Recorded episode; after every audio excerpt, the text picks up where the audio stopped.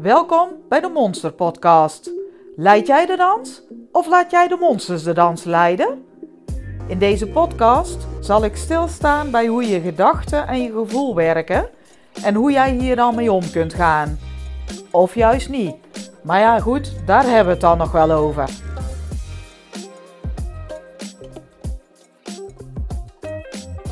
In de Monster Podcast van deze week uh, ja, blik ik wat terug, zeg maar, op bijscholingen die ik gedaan heb.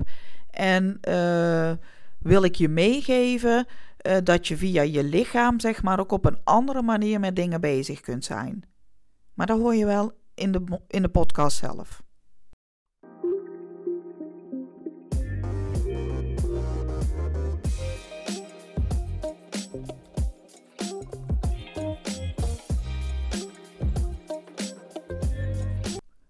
Ik heb het afgelopen jaar ook weer verschillende scholingen gevolgd. Deze zijn de laatste tijd meestal gericht op trauma. Nu zijn er ook wel een paar bij geweest waarop de nadruk gelegd werd op lichaamstaal. En welke invloed het lichaam heeft op ons. Nee, dat zeg ik niet goed. Vaak is het zo dat ons lichaam allerlei signalen afgeeft. En dat roep ik wel vaker. En dit is ook belangrijk, want je lichaam geeft deze signalen niet voor niets af. En vaak zie ik dat mensen hier dan verder geen aandacht aan besteden. Ze blijven maar gewoon doorgaan. Ik herken daar zelf ook wel eens ooit hoor. Dan heb ik het druk en dan wil ik nog het een en ander afgemaakt hebben. Als mijn rug dan gaat klagen, wuif ik dat weg. Nou ja, het zal allemaal wel meevallen, denk ik dan. En werk lekker door. Of nou ja, uh, lekker staat dan wel tussen haakjes, hè? Terwijl het natuurlijk niet voor niets gaat klagen. Nu is het bij mij meestal wel zo dat ik dan even doorwerk en het dan af kan ronden. Want ik maak mijn planning in blokken. Dus ik hoef ook niet door, maar door en door en door te blijven werken. Als ik een blok af heb, dan is het goed. Maar goed, daar gaat het nu niet om. Als ik mijn werk dan afrond, gaat de rugpijn ook weer langzaam weg. Niets aan de hand zou je zeggen. In dit geval is dat ook wel zo. Maar goed, ik, toch hoor ik wel bij genoeg mensen dat die wel door blijven werken en niet te stoppen zijn. En die voelen ook wel rugpijn, of wat dan ook, maar die negeren dat gewoon. Die blijven maar doordouwen. Totdat het allemaal van kwaad naar erger gaat. En op den duur amper meer uit de school gekomen kan worden. Of in het ergste geval geen kant meer opgegaan kan worden. Bijvoorbeeld doordat je een blackout hebt, of neervalt en niet meer kunt bewegen, bijna tot verlammend toe. Uiteindelijk allemaal niet zo gek. Ons lichaam weet heel veel. Geeft signalen af om ons te waarschuwen. Doen we daar niks mee, dan doet hij er nog een stapje bij. Qua signalen dan, hè? Luister je dan nog niet, dan maakt je lichaam het nog wat erger. Het gaat zo lang door totdat je niet meer kan en uitvalt. Hiermee bedoel ik dan dat je niets meer kan. In bijscholingen wordt hier ook vaak over gesproken. Ik ben in mijn werk natuurlijk en dus ook bij bijscholingen altijd bezig met op het psychische of emotionele vlak. Psychiaters en psychologen zijn niet bezig met het lichaam. Het is iets psychisch dus laten we het lichaam voor wat het is. Nu moet ik wel zeggen dat dit tegenwoordig voortaan wel wat beter gaat. Ook hun betrekken de mens in zijn geheel. Dus ze hebben aandacht voor zowel lichaam als geest. Ik merk zelf ook dat dit erg belangrijk is. Want je kunt het gewoon niet loszien van elkaar. Het zit nu eenmaal aan elkaar.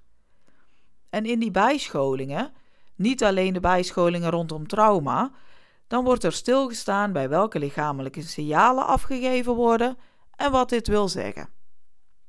Vaak zie je ook dat de taal die iemand gebruikt, dat hij hier signalen mee aangeeft. Je hoort bijvoorbeeld iemand zeggen: Het is een last op mijn schouders. En je hoort daar ook al die zwaarte in zitten die, die daar met zich meebrengt. Op het moment dat je steeds een last op je schouders draagt, is het niet gek dat je rug gaat klagen. Die kan dit bijvoorbeeld niet volhouden om te dragen. Die raakt overbelast. en laat dit weten door pijnscheuten in de rug. Doe je daar niets mee, dan kunnen de klachten zich uitbreiden.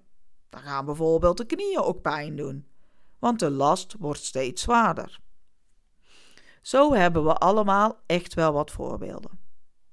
Het is wel zo dat mensen zich hier totaal niet bewust van zijn.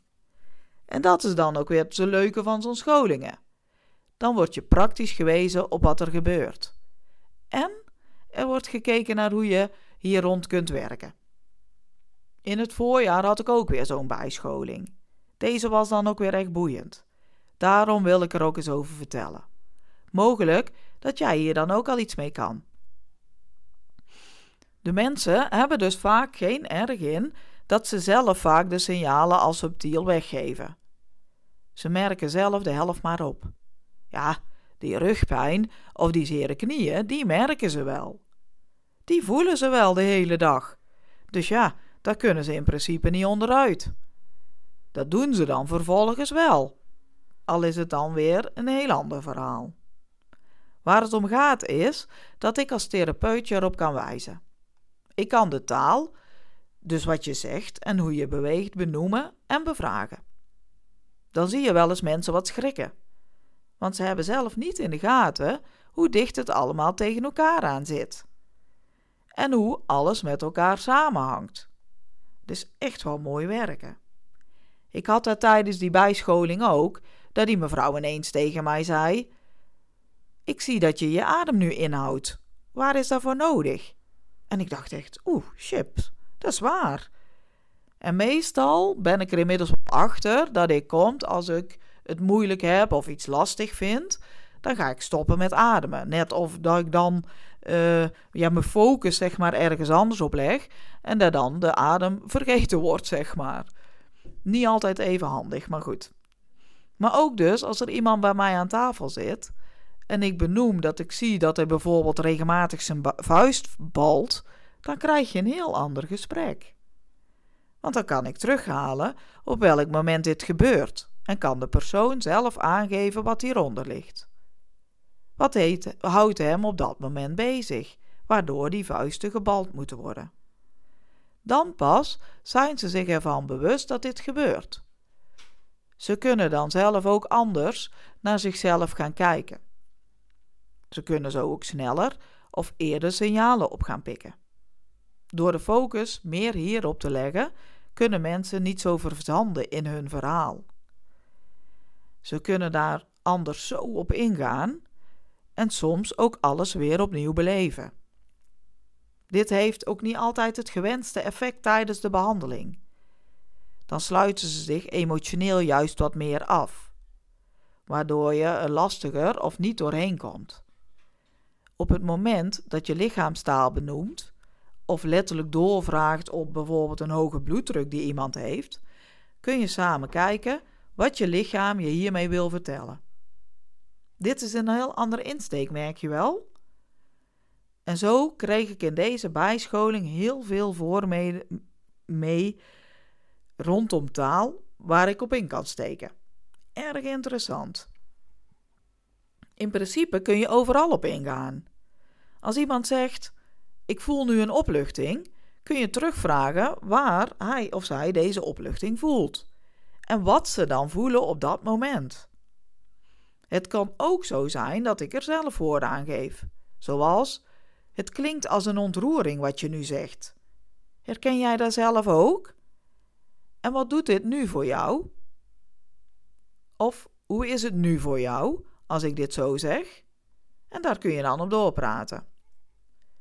Zo kan het ook bijvoorbeeld zijn dat je een soort elektrische schok voelt uh, als in je buik als iets heel spannend is. Je kunt dan wat in elkaar duiken om jezelf veiliger te voelen. Als ik dit zie en benoem dat het mij nu opvalt dat diegene in elkaar gedoken zit, kan ik vragen of dit een functie heeft. Waar is het voor nodig om in elkaar gedoken te zitten? Hoe voelt het als je nu rechtop gaat zitten? Of helemaal met de armen wijd? Dan gaan de mensen wel het verschil merken hoor. Want het voelt lang niet zo veilig als je met je armen wijd rechtop staat. Het is niet zo dat ze dit altijd in woorden om kunnen zetten, maar ze voelen het wel. Daarnaast kan ik dan ook kijken naar het moment van nu. Is het nu ook nodig om ingedoken te zitten? Of heeft dit meer te maken met het dagelijks leven waar je je niet veilig voelt? Ik ga nu heel kort door de bocht, want zo zeg ik dat natuurlijk niet rechts-reeks. Maar dan is het voor nu even duidelijk wat ik bedoel. We moeten niet vergeten dat het denkbrein direct ook altijd aanwezig is. Het emotionele brein komt altijd wel later. Dus altijd goed checken hoe het zit. Kijk of het klopt. Klopt. Dit is echt een interessante zoektocht samen. Ik merk dat de mensen die bij mij in de praktijk komen hier ook echt veel aan hebben. Het is op een of andere manier vaak wat duidelijker, terwijl het niet altijd gemakkelijk is om het onder woorden te brengen. Daarom laat ik het juist voelen in ons lichaam. Dan kun je er verder mee, want jouw gevoel zegt jou meer dan het onder woorden brengen. Met hetgeen waar, waar ik het vandaag over gehad heb, denk ik dat je nu wel wat verder mee kunt. Het is een start om eens op een andere manier naar dingen te kijken.